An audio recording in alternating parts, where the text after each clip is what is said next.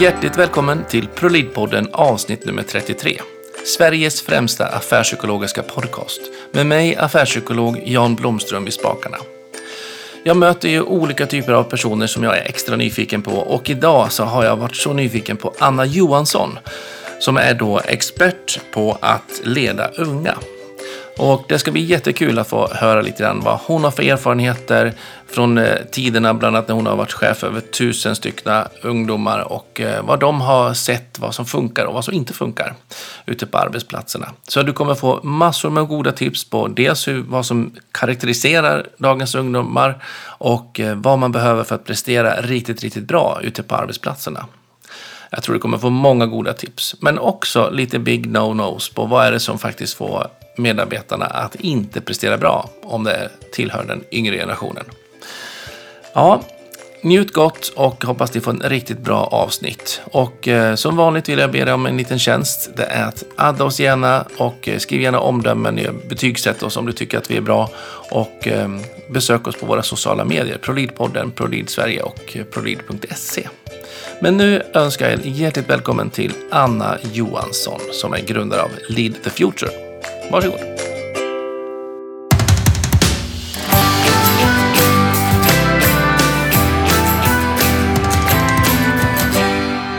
Hjärtligt välkommen till ProLead-podden, Anna Johansson. Hej. Vem är det vi får träffa idag? Eh, ja, jag heter Anna. Eh, har precis startat ett företag som heter Lead the Future. Och eh, jag hjälper arbetsgivare att vara attraktiv för unga talanger.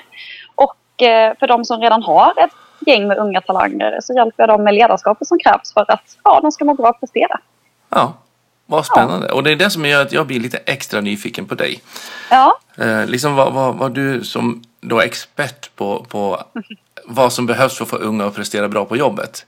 Ja. Och ja, man, man, när jag är ute och konsultar så ramlar man ju på mycket de frågeställningarna. Och, eh, mm. Antingen i form att man vill få dem prestera eller som vissa chefer kommer in och säger du de där unga de går ju inte ens att rekrytera för de är helt värdelösa. Mm. Mm. Det är, eh, ja, ja absolut. Mm. Så det ska bli jättespännande. Mm. Eh, så Lead the Future, vad har du, mm. hur, vad, vad gör det? Förutom att det, det låter ens bra i namnet, leda framtiden. Mm. Nej, men eh, jag, alltså jag har ju jobbat hos ett jättespännande och jätteawesome företag som heter Ung Omsorg och där var jag utveckling och verksamhetschef eh, för hela den verksamheten. Och under mina fem år som det så gick vi från 450 anställda ungdomar då till över 1000 stycken. Mm. Och då kände jag att ja, men, då kan man nog ändå kalla sig för lite expert på att leda unga personer faktiskt. Och det tänkte jag Ja, vad sa du? I alla fall om de biopresterar bra tänkte jag. Ja, Men jo, det måste man ha gjort jo. om ni ökar så pass mycket. Jo, jo, jo det ökade jättemycket. Uh, och då kände jag att men det, här, det här vill jag hjälpa till med. Uh, så, så, det är bakgrunden helt ja. enkelt. Varför tycker du det är så viktigt? Uh, ja, delvis så är det ju viktigt för att det finns väldigt många personer som håller på att gå i pension just nu. Mm. Eh, och då måste vi ju som unga personer, jag är själv 27 år gammal, eh, snart, det blir det november, eh, komma in och ta över. Eh, och det ställer ju också krav på arbetsgivaren att eh, den är med och anpassar sig i det som håller på att hända. Eh, så, så delvis det är alltså att trygga arbetsmarknaden framöver. Mm. Sen tycker jag såklart också det är viktigt att alla mår bra på jobbet och då behöver man ju lära sig att eh, handskas med olika typer av människor, tänker jag. Eh, och nu blir det ju väldigt generaliserat att prata om generationer. Eh, men, men, för mig är det väldigt viktigt att man mår bra på jobbet, för då eh, presterar man också. Så mm. att, att få grupper att kommunicera med varandra och skapa förståelse för varandra tycker jag också är viktigt. Mm. Eh, ja. Och mitt, min drivkraft i det här är att man många gånger hör jag diskussioner ute på, på i, liksom i verksamheterna att ja, hur ska vi lyckas med kompetensförsörjning? Hur ska vi kunna mm. rekrytera rätt folk och, mm. och liksom kunskaper och så? Men mm. det som är totalt tyst egentligen på arbetsplatserna det är ju mm. hur ska en arbetsplats behöva se ut för att den nya generationen ska kunna prestera bra? Mm. Mm. Alltså rent organisationsstrukturer, värderingssystem, eh, arbetsprocesser, de delarna. Så det är ju inte bara att man ska få locka, haka in dem på kroken, de Nej. kompetenserna, utan man ska ju framförallt få dem att prestera när de är inne i organisationen. Och mm. det diskuterar mm. man nästan ingenting om och det är det som är min drivkraft. Så att, mm. ja, det ska bli mm. spännande. Mm. kan inte du beskriva lite grann vad som kännetecknar de, de, de unga? Ungefär, även om vi, som du säger, det är otroligt generaliserat. Men, men Ja, vissa huvuddrag ja. finns det ju. Även om nu då alla ni som lyssnar också vet att det finns otroligt mycket individuella skillnader. Bara att vi har sagt det. Ja. Ja, men men ut, utifrån det, så kan du beskriva kännetecken de unga? Absolut. Eh, och då tycker jag att jag själv är ganska bra att utgå från faktiskt för att jag stämmer in eh, på ganska många eh, av de, eh, vad ska man säga, ja, tecken på att vara en ung talang. Eh, exempelvis så tycker jag ju själv att utveckling är det som är absolut viktigast. Eh, min slogan är ju passion för utveckling. Mm. Och utveckling är en sån sak som alltid kommer tillbaka när man pratar om unga personer. Vi ställer mycket krav på vår arbetsgivare. Eh, och det tycker vi är positivt, men det tycker vissa arbetsgivare eh, kan vara lite jobbigt och krångligt och sådär. Ja. Eh, vi använder ofta vårt jobb som självförverkligande. Alltså att jobbet är inte bara någonting man går till utan jobbet är en del av det större. Mm. Eh, vi vill gärna ha en bra balans mellan arbete och fritid och kan ibland vara lite mm, ja, kanske jobbiga för en arbetsgivare för att vi kan inte bara tänka oss att jobba över hur som haver utan eh, vi, vi tycker vår fritid är väldigt viktig. Mm. Eh, för oss är det status att kunna styra sin tid och kanske till och med ha lite mindre att göra. Nej, men idag valde jag att göra detta för att jag kan. Eh, det är väldigt viktigt att eh, vara i en organisation där värderingarna är i linje med eh, sig själv. Mm. Eh, och eh, alltså generation Y är ju också Y och det eh, är samma för mig. Det är jätteviktigt att jag förstår varför jag gör saker. Eh, för det tycker jag skapar motivation för mig själv. Ja. Oj, ja, oj, det blev en del. Ja, men eh, det är karaktärsdrag för generationen som håller på att komma in i arbetslivet nu skulle jag säga. Och, och också en, en viktig grej det är ju att eh, de, de som är nya in på arbetsmarknaden nu de har ju verkligen växt upp med internet som eh, en helt naturlig del av uppväxten. Ja. Och det gör ju också att man är kanske mer teknikvan än vad ja, vissa äldre kanske är.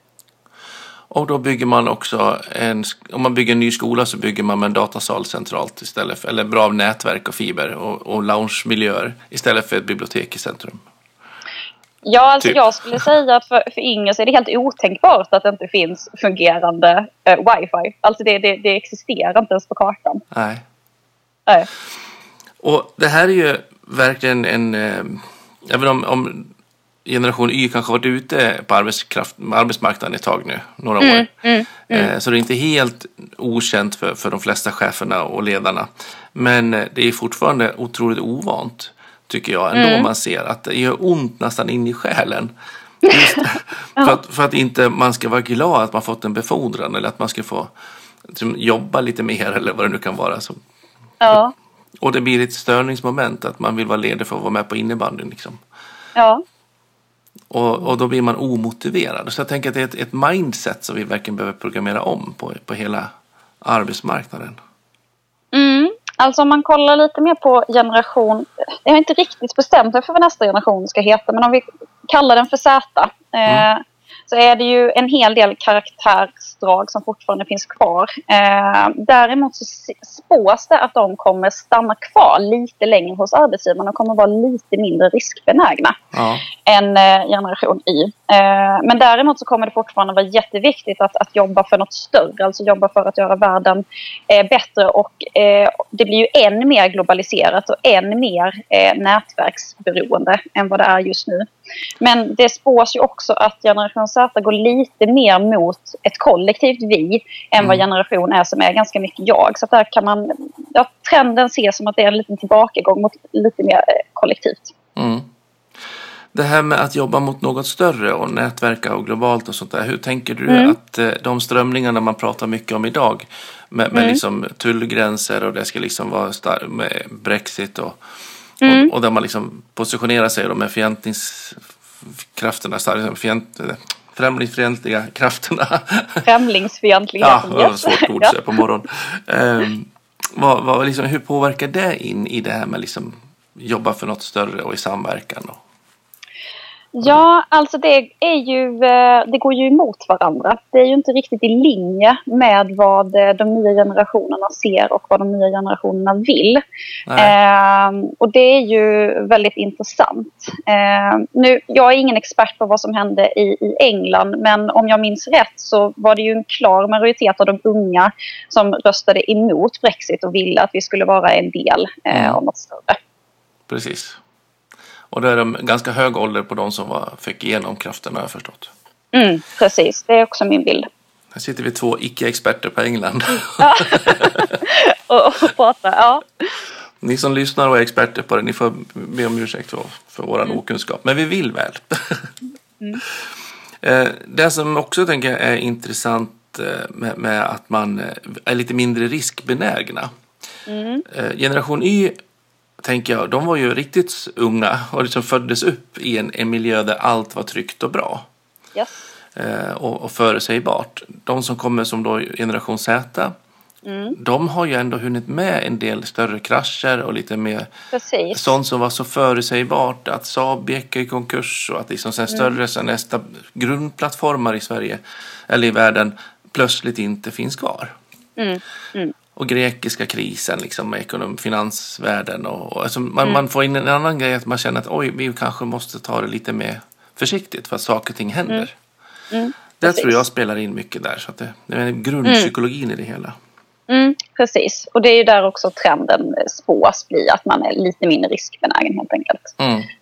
Allting kanske bara inte löser sig utan man måste vara lite mer vaksam. Ja. Mm. Om jag då som chef och ledare mm. har, ska rekrytera eller har de på plats, de är unga. Mm. Eh, mm. vad behöver man som chef och ledare tänka och göra då för att de ska prestera bra? Alltså det absolut enklaste, och det handlar ju inte ens om, om generationer, det är ju att lyssna in vad medarbetarna vill ha och försöka tillfredsställa de behoven. Eh, jag brukar säga att det är faktiskt inte svårare än så. Problemet är väl att man kanske inte alltid anser att man har möjlighet eller anser att man vill eh, tillfredsställa de behov som finns. Nej, för de är ju där för våran skull.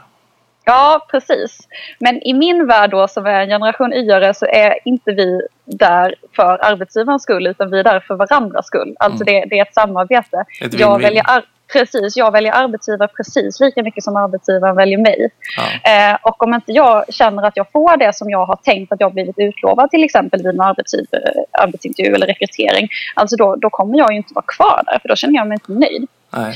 Så att Eh, svaret på din fråga tycker jag börjar långt innan man faktiskt har de anställda på plats. Alltså det handlar ju om eh, employer branding, hur man liksom brandar sig själv redan från början. Det handlar om vilket intryck man ger ut i ett eh, rekryteringsanförande, eh, vad man bygger upp och vad man lovar där. Ja. Eh, och sen så handlar det om vilken start man får, vilken introduktion man får. Ehm, och, och, därefter så handlar det om att faktiskt ehm, hålla de löftena som man har gett via sin employer branding och sin, eh, sitt rekryteringsanförande. Så inte lova mer än vad, det, vad man kan hålla.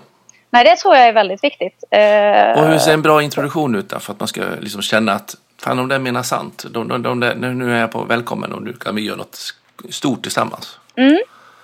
Eh, jag har hört ganska många som har varit missnöjda med sin introduktion och det genomgående temat där är att den inte är genomtänkt. Alltså att man känner att jaha, här blir jag inkastad och jag vet inte riktigt vad jag ska göra och jag vet inte vem jag ska få kontakt med och jag hade inte ens en dator klar och mina lösenord var inte fixade. Mm.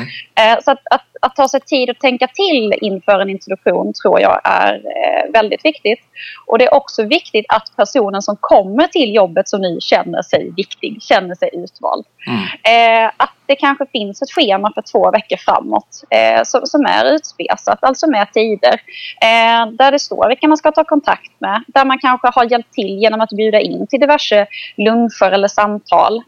där man träffa många så att man förstår både sin egen del men också förstår den större bilden. Alltså vilket kugghjul är jag i den här organisationen? Ja. Vad kommer jag tillföra? Men också något speciellt. Alltså inte vet jag, man kanske kan få en egen mugg eh, där det står någonting roligt på eller man, man får en liten bukett med blommor eller eh, Men det viktigaste hur som haver tror jag det är att den, är planerad och att kollegorna är med på att nu kommer det komma en ny person och vi är måna om att ta hand om den här personen. Mm. Eh, så. Och har man gjort grundarbete bra på rekryteringen så har mm. man ju lärt känna på vad som är viktigt för den nyanställda. Och så gör man då en personlig liten grej som är viktigt för dem. Precis. Ja. Och Men verk- genomtänkt det är det absolut viktigaste. För det, det, jag har upplevt att det är många som har känt att eh, introduktionen inte har varit genomtänkt. Nej. och jag hör ju också många som kommer och säger oj, kommer du idag? Precis. Var det Och idag du då- ska komma? Då är det inte konstigt att man stannar kvar alltså i sex månader som, som vissa är oroade för att de bara ska stanna. För att då blir det fel redan från början. Då Ja. känner man sig inte viktig och utvald. Och den rekryteringskostnaden är ju astronomisk i förhållande till varför man inte kan... För det, det du berättar om är ju faktiskt ganska grundläggande saker. Ja, Lite sunt förnuft om man nu vill kalla det. Jag som säger Ja. att sunt förnuft är ett skällsord men, men ändå att man liksom gör det ganska enkelt och basic. Det behöver inte vara så jäkla svårt. ja, ja, Ehm, men då har de kommit, de har fått en ny bra introduktion. Mm. Och eh, man har varit lite lyhörd på vad de behöver. Man har kanske då under rekryteringsfasen också sett att de som söker jobbet tar lika mycket referenser på hur man är som chef. yes, Vilket kommer mer och Precis. mer. precis. Eh, och, och när bägge två känner att ah, men de där, den där parten tror jag att jag kan växa tillsammans med. Ja. Så, så säger man ja från bägge håll och så kommer man att få Ja. den här introduktionen. Så Ja. börjar man jobba på nu då. Börjar bli lite Ja. varm i kläderna och, och sådär. Vad, vad, vad går Ja. man igång på? Vad är det som tilltufsar en? Ja, alltså eh, vidareutveckling är ju, eh, det är ju högt alltså. Det, det är shit. Ja, ja men det, det är, man måste vara jättenoga med att ge kompetensutveckling och vidareutveckling. Eh, och det kan ju vara i form av att man får mer ansvar i form av mer arbetsuppgifter eller mer komplexa arbetsuppgifter. Men Mm. det kan också vara att man kanske får någon slags liten trainee-roll på någon annan avdelning en dag i veckan under ett halvår till exempel så att man får mer insikt där. Det kan vara att man får en eh, mentor i organisationen. Mm. Eh, Det kan vara att man får en, ja, en personlig coach utifrån som kan Mm. hjälpa vidare. Det kan vara klassiska vidareutbildningar, alltså eh, konferenser och så vidare. Det kan Mm. vara online såklart. Mm. Ehm, men, men kompetensutveckling tror jag är en av de mest grundläggande sakerna för att behålla unga talanger. Och i det tänker du också då, misstänker jag, re, liksom relevant feedback. Det Ja, här- absolut. ja, Ja. ja. jo, jo, jo, såklart. För, för det, det tappar man ju många gånger. Eh, ja, alltså... ehm, Chefer som vågar ge klartecken. Det här tycker jag du gjorde bra, men det där var inte riktigt okej. mm, Hur kan vi mötas i det? Behöver du andra och, förutsättningar? ehm, eh, till och med feedback från båda hållen. Eh, Ja. Alltså, många eh, som är under 30 tycker... ja, det, kan det är ju väldigt beroende på person till person. Men jag ser definitivt en tendens att eh, nu har vi ett feedbacksamtal tillsammans. Alltså först börjar du som chef att ge mig feedback men sen så träder jag också in och ger dig feedback. Nej men jag behöver nog lite mer av det här av dig för Ja. att jag ska kunna göra ett bra jobb. Du, du, du behöver nog anpassa dig till mig på det här sättet. Eh, så att man pratar tillsammans om feedback. Och när jag är ute så pratar jag mycket om att man beställer sitt ledarskap. Det är precis Ja. samma sak. Ja. Jag har tackat ja till den här tjänsten. Jag lovar arbetsgivaren att jag ska prestera underverk på den här tjänsten. Mm. Och så har jag dig som chef och jag behöver ha dig backa lite mer. Jag behöver ha dig göra mer av det här, mindre av det där. Mm. För att jag ska verkligen leva upp till det löftet jag har gjort. Mm, precis. precis. Vad är din erfarenhet där då? Med, med, som är, är chefer beredda att ta den feedbacken?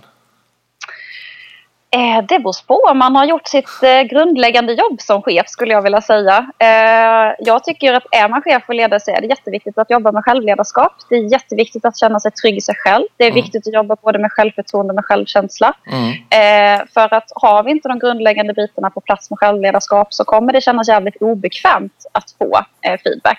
Däremot om vi har gjort vårt arbete med oss själva så har vi en mycket större grundläggande trygghet och känner snarare men gud vad roligt att du tycker detta. Mm. Wow, då ska jag tänka på det här för då kan jag också utvecklas ännu mer. Mm. Vad viktigt att man tar, ett, tar nästan varandra i hand och gör ett sånt utvecklingskontrakt tillsammans. Hur kan vi få varandra att glänsa tillsammans ihop? Mm. Mm. Och det är ju också viktigt då där i det att man har en gemensam syn på målet. Alltså vårt gemensamma mål är att vi ska nå hit och då behöver vi eh, tillsammans ge varandra förutsättningar för att nå det. Eh, så att återigen att man jobbar för någonting större, nå- någonting mer och därav kanske ha möjlighet att sätta, ja, men om det skulle komma upp en konflikt eller en rädsla till exempel lite åt sidan för att titta men vad, vad är vi egentligen på väg och hur kan vi jobba tillsammans för att nå dit. Mm. Och inte vara rädd att faktiskt få lite mental träningsverk. Ja, jo men det, det, det får man ju när man utvecklas. Det, det kommer lite på köpet. Får man inte det, så är det inte så mycket utveckling. Nej, och man kanske behöver vara lite ont i magen dagen innan och innan jag ska ta upp det här och gå och ruva på det innan man liksom griper an det. Och sen tar man den där feedbacken och kanske blir till och med lite högröstat ibland. Eller... Mm. Och sen Nej, så jag möts man någonstans man- i den bättre sen. Alltså att, att ha, lite, ha lite fjärilar i magen inför ett feedbacksamtal, vare sig man är anställd eller chef, det, det är väl nästan bra, tänker jag. För att det innebär ju att man tar det här på allvar, att det är något som är viktigt för en och att man faktiskt tänker efter lite så att man har möjlighet att leverera sitt budskap på ett bättre sätt. Mm. Det är mycket bättre det än, än att man bara ja, går in och säger någonting som inte alls är genomtänkt. Nej. Eh, bara för att det kom upp i tanken. Så fjäril i magen är egentligen ett mogenhetskvitto eller en seriositetskvitto än att det är ett svaghetstecken. Seriositetskvitto skulle jag vilja kalla det för. Ett sätt att visa för sig själv och för andra att man tar ansvar, att man vill väl. Mm. Och alla ni som lyssnar då, inventera magen lite grann. Hur, hur pass mycket fjärilar har ni när ni ska ha era feedbacksamtal? Har ni inte så mycket, då är ni helt oseriösa. Nej, Ja, kanske inte väl. överdrev bara lite. ja. Men man kan fundera tanken i alla fall. För att det, det här med att verkligen vilja riktigt väl och riktigt gott är ju en otroligt viktig grundgrej. Att vi, vi är mån om att, att vi faktiskt ska någonstans. Vi ska skapa någonting. Mm. Mm. Och inte bara, men du är min anställda, nu jäklar ska du göra vad jag säger för jag är chef. Mm, det kommer inte funka. Nej. Nej. För vad händer när, när liksom de unga möter ett traditionellt ledarskap? Ja, alltså det som händer är ju att de eh, ett börjar snacka ganska mycket skit. Eh, eh, eller snacka skit, snacka skit. De berättar om sina erfarenheter eh, och då har vi ju återigen nätet. Alltså det kan gå snabbt. Mm. Väldigt snabbt. Eh, det- är en Och då pratar vi liksom timmar egentligen. Ja, eller minuter. Minuter, ja. Ja, eh, alltså för att vi inte alltså, vi är beredda att berätta om det vi har varit med om. Mm. Eh, Och ni har plattformarna. Ja, precis. Eh, så, så det är ju det första som händer, att, att vi uttrycker det. Eh, men sen så slutar vi ju. Mm. Ja, alltså det är inte stimulerande att vara på ett sånt ställe. Eh, nej. Och då har man även personalomsättningen som ett brev på posten. Ja, alltså alla företag som har stora personalomsättningar, vare sig det handlar om att det är unga som slutar eller att vem som helst slutar, behöver ju ta sig en rejäl funderare på vad, på vad man sysslar med. För att stora personalomsättningar, det är ett, eh, ett resultat av att någonting inte stämmer. Och varför vågar man säga upp sig så snabbt då? Ja, alltså vi går ju mer och mer mot en, en eh, gigekonomi. Eh, där alltså den traditionella anställningsformen är ju inte en traditionell anställningsform längre. Alltså man jobbar i projekt, man eh, hoppar på korttidsanställning. Eh, synen på vad det innebär att arbeta förändras ju helt enkelt. Alltså det, det är inte norm längre att, att eh, vara tillsvidareanställd i 10 år på ett företag, eller 20 för den delen. Utan Nej en del av livet är att testa nya saker. Eh, Funkar inte det ena så kan ju det andra funka. Och bredda sin repertoar och anställningsbarhet helt enkelt. Ja, alltså man ser ju att det är färre och färre eh, som vill bli chefer. Eh, för att det är inte det enda sättet man kan kompetensutveckla. Utan man kan ju kompetensutveckla sig på så många olika sätt. Ja. Ehm, man ser också till exempel att eh, man kan vara ganska spridd eh, i sitt val av yrke. Att man kanske till exempel kör 50% på ett jobb och sen så kör man 50% på ett helt annat jobb. Och det, det är inte konstigt utan att man jobbar med sig själv och med det man vill på många olika sätt. Mm. Lite grann som du sa med, med trainee på en annan avdelning. Just för att testa och få liksom när, den typ av erfarenhet också. Mm, Att man liksom breddar sig på det sättet. mm.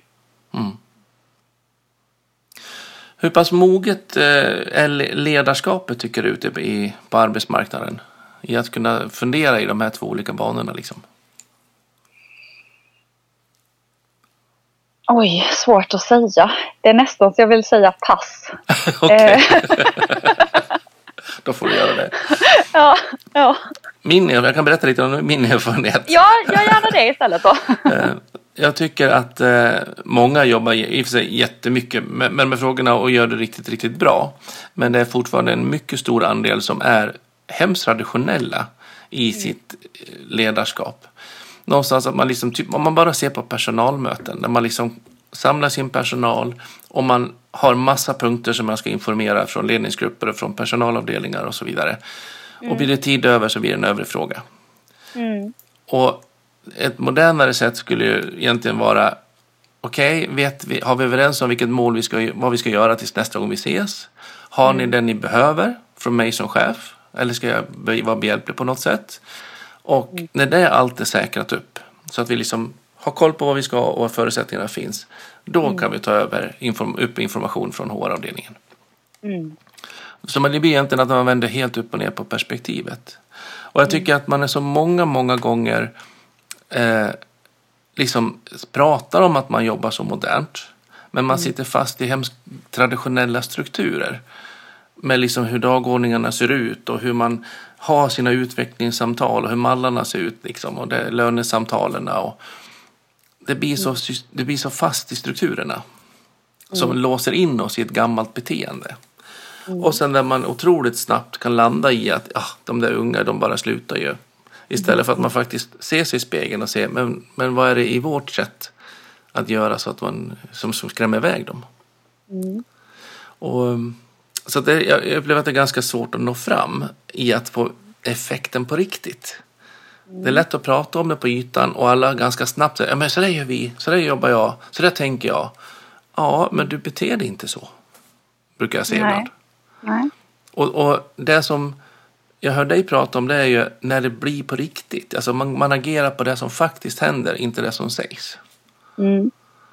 Så att man, man går inte, man anställer sig, man söker sig inte till ett jobb eller företag på grund av deras formulerade värdegrund.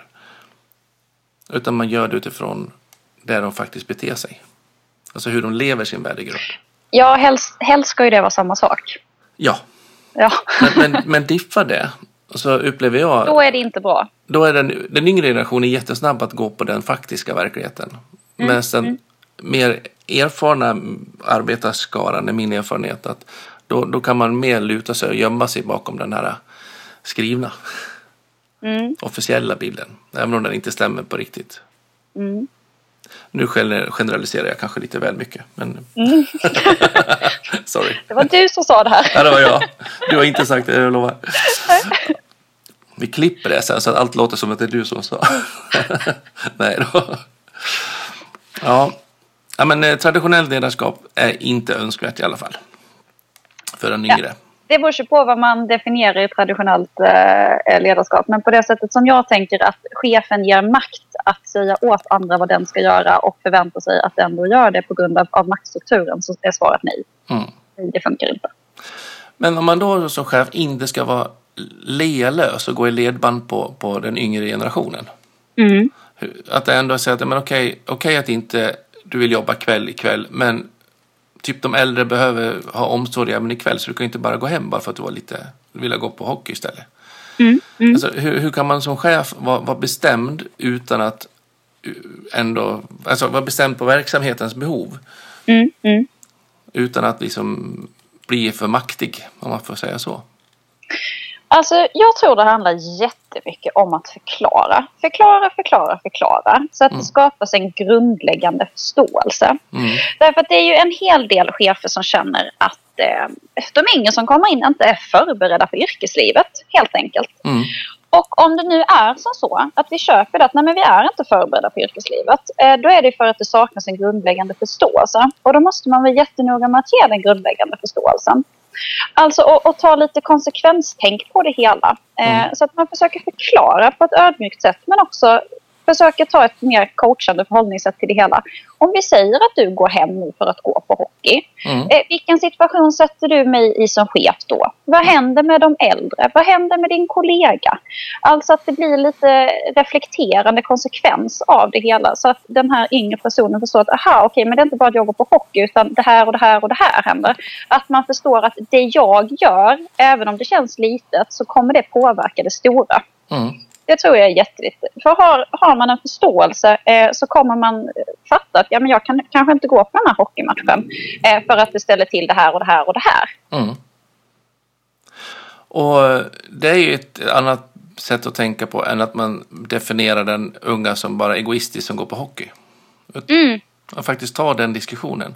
För det är som du säger att eh, har man inte varit ute i arbetslivet mer än något år, ja men då har man kanske inte riktigt hunnit läsa av alla de koderna. Man kan mycket, men man kan inte allt. Och då är det etablerade ja. arbetsmarknaden viktigt att tala om vad gäller hos oss och vad blir det för konsekvenser hos oss. Ja, men också, eh, jag kan tycka det är jättebra att bara ta det, som vi säger, rent ekonomiskt. Um, om du sitter med din mobil, eh, låt oss säga en timme eh, varje dag under arbetstid, vad blir det i faktiska pengar då? Bara det kan vara en ögonöppnare. Eh, för att jag tror inte det är så jättemånga som tänker på det på det sättet. Nej. När man, jag tänker bara på, på, idag har ju nästan alla fri surf och mm. allt det nät som man kan göra på. I mm. början när man började surfa på sånt där, då, då var det, hade man ju sin lilla pott och då var det, tog Precis. den slut jättesnabbt. Och då var man ju mm. medveten mm. på att bara där gjorde det vart en mängd relation liksom. Mm. Vilket man kanske tappar idag. Ja, det var en parentes. ja. Dock. Ja. Nej, men att ta de här diskussionerna är egentligen ditt budskap. Att inte irritera sig på olaterna utan faktiskt möta upp i det och föra ett resonemang. Ja, alltså att bara vara irriterad och så, så säga till sin kollega oh, jag fattar inte varför de inte bara kan vara här på jobbet. Det kommer ju inte lösa någons problem. Eh, däremot att gå in och ta en, ett, ett lugnt samtal och, och förklara varför man inte kan gå ifrån eller vad man nu känner för att göra. Det kommer ju lösa ett mycket mer grundläggande problem. Mm. Absolut. Och är det så, så kan man också säga, alltså man, man, som arbetsgivare, för nu pratar vi mycket om man ska anpassa sig, men alltså man måste också kunna ställa krav som arbetsgivare. Alltså att om man har tagit den här diskussionen på riktigt och grundläggande och man upplever att personen framför fortfarande inte förstår och inte kan tänka sig att anpassa sig, äh, men då är den personen kanske inte rätt för jobbet. Alltså så att missförstå mig inte, arbetsgivare måste också kunna ställa sina krav och förväntningar. Mm. Eh, så. Eh, men, Men man, man, behöver ha gett bra förutsättningar för att personen ska förstå de mm. kraven och förväntningarna. Och de skiljer sig lite grann mot hur det var förr, tycker jag. I det traditionella, där man kunde säga att men nu är det så här, jag är chef, jag bestämmer. Mm. Vilket då var mycket traditionellt kanske. Men, mm. men, men då har man ju också en, yrke, en, en medarbetarkår som, som var mer liksom, respekt, respektera auktoriteter på ett helt annat sätt. Eller man gjorde vad man blev tillsagd. Liksom, tänk inte utan gör vad, jag, vad någon annan sa. Mm. Och, och, men idag behöver man ju ta den här extra vändan eller det andra sättet att man faktiskt möts och tar en diskussion och skapar förutsättningar så att bägge kan vara överens om vad vi ska få till och vilka konsekvenser det blir. Mm. Alltså det grundläggande tankesättet där varför man ska göra det, det är ju för att när, när många människor tankar möts så skapas någonting bättre. Mm det är ju den grundläggande tesen varför man inte bara ska säga åt någon att göra någonting. Därför att då stannar ju allting i mitt huvud. Ja. Om vi däremot kan prata med varandra och så många som möjligt pratar med varandra då får vi tillgång till väldigt många människors hjärnor och tankeförmåga och kapacitet och då växer någonting annat fram. Mm. Hur tänker du kring det här med att man eh, man har ju blivit fostrad mycket i skolan att man ska vara med och tänka kritiskt och man ska liksom ha sin åsikt och man har rätt att lyfta sin, sin, sin liksom en, en argumentation och så. Mm. Och ibland så är det ju att vissa lägen är det ju verkligen tydligt att man ska vara med och delge och många tankar och många diskussioner. Och ibland mm. så är det inte tillämpligt att liksom göra det för att det, det ska bara göras. Det är mm. en icke-diskussion, liksom bara gjort. Mm.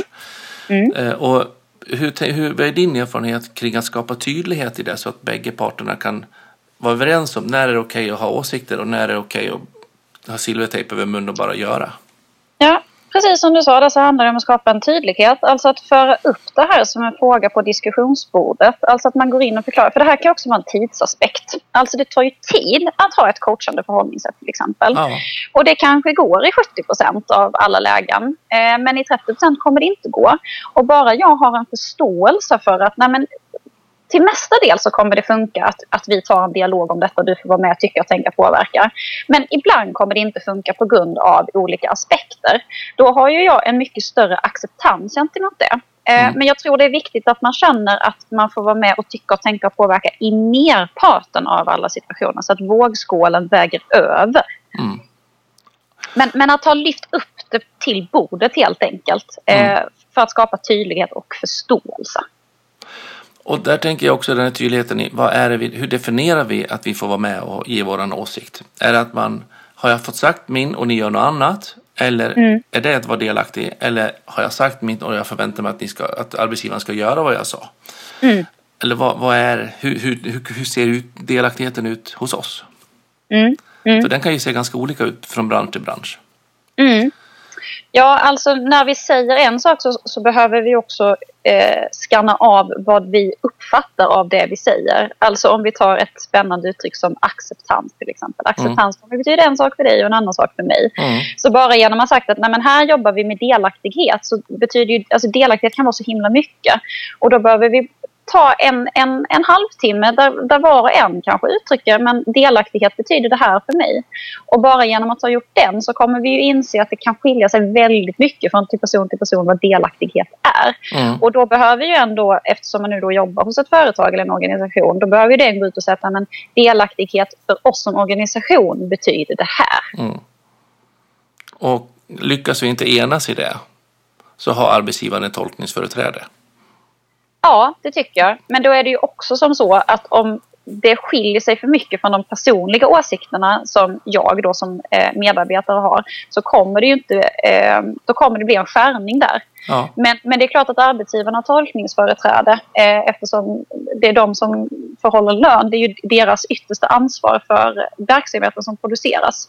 Men man ska bara vara medveten om att om det är en stor diskrepans eh, så kommer det bli en skärning vilket gör att personal till slut kanske väljer att sluta på grund av den skillnaden som finns. Mm. Och även det, om man för den diskussionen, tänker jag, öppet och, och, och, liksom ärligt, så blir mm. det också en win-win situation. Det är mm. bättre för arbetsgivaren att inte den jobbar hos oss och det är bättre för den att inte vara kvar på det företaget för att det är för stor diskrepans. Precis. Och att inte det är farligt i sig. Det är inget Nej, nederlag. det är det inte. Alltså det blir ju respekt också. Då kan jag gå ut och säga till mina vänner, nej men vi matchade inte på grund av detta och detta, men jag känner fortfarande att jag har blivit väl bemött och jag känner att jag har blivit bemött med respekt. Jag, jag känner förståelse. Det är bara det att det funkar inte riktigt utifrån hur min världsbild ser ut. Mm. Och jag tänkte, du sa att det gick, eh, går hemskt snabbt att bara dela ut, en, om man är irriterad på sin arbetsgivare så går det ut på bara någon minut. Men detsamma mm. gäller ju om man har varit hemskt nöjd med min uppsägning. Liksom. Mm. Att, att det blivit så mm. schysst bemött fast vi valde att separera. Precis. Så Precis. går det ut lika snabbt också. Så att det, är ju ja. hemskt transparent på det sättet idag. Mm, det är det. Och um, det tycker jag man märker också med, med, lite mer traditionella ledare som gärna vill ha koll på vad som går ut. Men det har man ju mm. inte. Utan mm. Man får helt ja, men det där bara... läste jag eh, jättenyligen en, en intressant där, bara skiljelinje. Ja. Att om man tänker kanske lite, lite äldre personer har växt upp med ett konsensus att det vi vet stannar hos oss. Ja. Eh, alltså att vi jobbar med ganska mycket stängd kunskap, man får inte sprida någonting vidare. Och det är en stor, stor, stor skillnad för min generation som växer upp och snarare tycker precis tvärtom. Eh, allt ska delas, allt ja. ska vara transparent. Ja. Eh, och det kan ju vara spännande vad som uppstår i det. Precis. Och det är också spännande om man ska koppla till det jag sa i början bara med stora pensionsavgångar. Om det finns jättemycket tyst kunskap som inte sprids vidare, hur man ska hantera det. Ja. För den behöver ju verkligen tankas över. Mm. Och vad även de som är då 55-60 känner mm. att de är viktiga och att det inte bara är att oj, nu är det bara yngre som ska gällas. Nu är det bara sociala Absolut medier? Absolut inte. Jag har en mentor som är 75 och hon är helt fantastisk. Jag ja. älskar henne. Ja. Och vi täcker ju in olika aspekter. Mm. Och det är nästan alltså den, den kunskapen som finns är ju jätte, jätte, jätteviktig. Mm. Eh, jag menar absolut inte att, att... Nej, den är jätteviktig. Så. Ja. Mm. Eh, jag har en liten annan tanke också. Det är det här med hållbarhetsaspekterna. Mm. Och, och värdegrunderna knutet kring det. Mm. Eh, hur upplever du att eh, hållbarhetsdelen är viktig i de här typen av diskussionerna? Jag tänker egentligen bara på, de pratade på nyheterna här för alldeles nyligen om eh, att de, den yngre generationen väljer mycket större utsträckning att inte flyga med flyg när man ska på semester till exempel. Utan de söker mm. andra resvägar och sånt. Så att det mm. kommer in och man betalar mer för Starbucks-kaffe än en annan kaffe kanske för att det ska ligga i linje med både etik och hållbarhetsaspekter. Men, men liksom, mm. hur tänker du att hållbarhetsdelen kommer in? Jag tror den kommer bli jätteviktig. Jag har ett jättekonkret exempel på flyg och tåg. Eh, vi hade verksamhet uppe i Haparanda och då skulle en medarbetare ta sig från Stockholm till Haparanda och hen vägrade flyga. Mm. Och vad gör man då? Eh, för att det tar ju väldigt många fler timmar att ta sig med tåg till Haparanda än vad det tar med flyg. Ja. Um, och då valde vi att lösa det på ett sätt. Men jag bara menar att det här är, det här är en diskussion som kommer komma upp mer och mer. Och då behöver vi ha ett tydligt, eh, tydliga riktlinjer för vad vi egentligen tycker och tänker om det. Hur mycket ska man som arbetsgivare anpassa sig till det? Eh, och hur mycket behöver faktiskt arbetstagaren anpassa sig till de riktlinjer som finns? Mm. Men det är bara så väldigt klockrent exempel. Verkligen. Och är det så att man ska ner på möte i Stockholm från Haparanda? Ja. Är det arbetsgivaren som ska betala lön för alla de här extra timmarna? Exakt.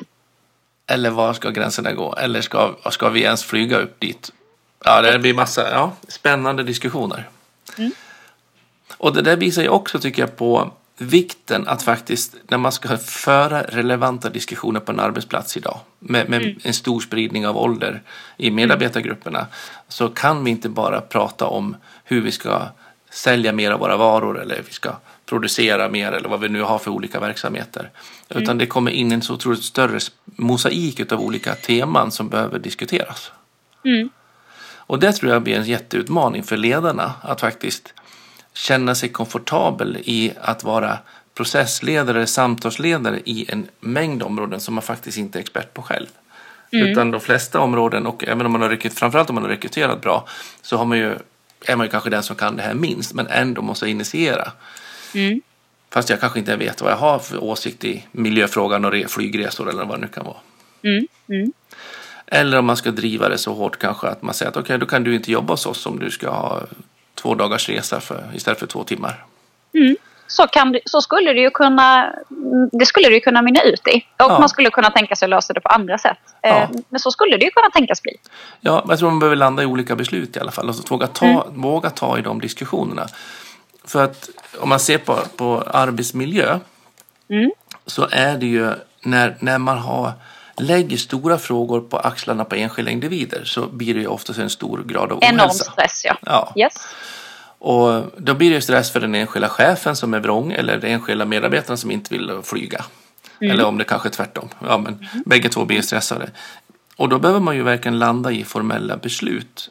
Mm. Där man är överens om så att man kan få luta sig och vila mot de mm. besluten. Mm. För att skapa en hälsa runt de här frågorna. Mm. Ja, spännande. Mm. Jättekul att höra. mm. eh, och eh, när man får till en riktigt bra mix mellan allt ifrån 18 till 75 år i sina medarbetarkårer och mentorer. Och Vi mixen. säger 80. 80. Min mentor vill jobba tills hon är 80. Ja, bra. Vi får inte vara oförskämd. ja. Eh, vad, vad, vad, är liksom, vad, vad, vad, ser du att man får ut? Vad vinner man som arbetsgivare när man liksom får igång den här goa, sköna samverkan där man liksom får alla får plats och sånt där? Vad, vad, vad, vad är styrkan i det?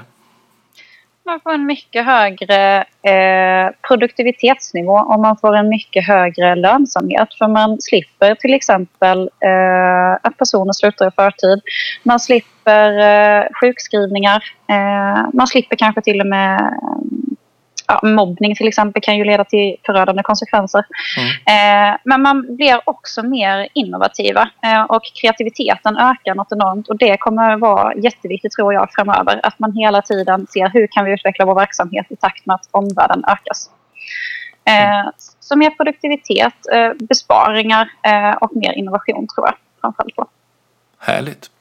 Och det betyder helt enkelt den här frågan, ta den på allvar, alla som lyssnar, sluta och vara frustrerad över att det går i otakt utan backa hem och se vad du som ledare behöver vidta för reflektioner och eh, nya angreppssätt eventuellt. Så kommer det här att bli otroligt bra. Jättespännande att få höra dina resonemang. Om man vill mm. höra, få kontakt med dig och kanske prata mer med dig eller anlita dig och få, få liksom ta in dina erfarenheter in i sina verksamheter, vad, vad får man tag på dig? Ja, antingen leadthefuture.se eller så kan man söka upp mig på LinkedIn. Det går alldeles utmärkt. Ja. Eh, Anna Johansson? Ja, det heter ju typ alla i Sverige dock. eh, men okej, om vi ska ta lite mer. Jag har ett Instagramkonto som heter Ledarskap Halsa eh, som jag är ganska aktiv på. Så ja. det kan man också spana. Ja. ja, men, jättebra. Ja. Och vill ni lyssna mer på ProLead-podden så följer ni oss såklart som vanligt på, på sociala medierna och på hemsidan ProLead, eller ProLead-podden. Tusen tack för idag och eh, jättekul att du kom till podden. Tack så mycket. Hej. Hej.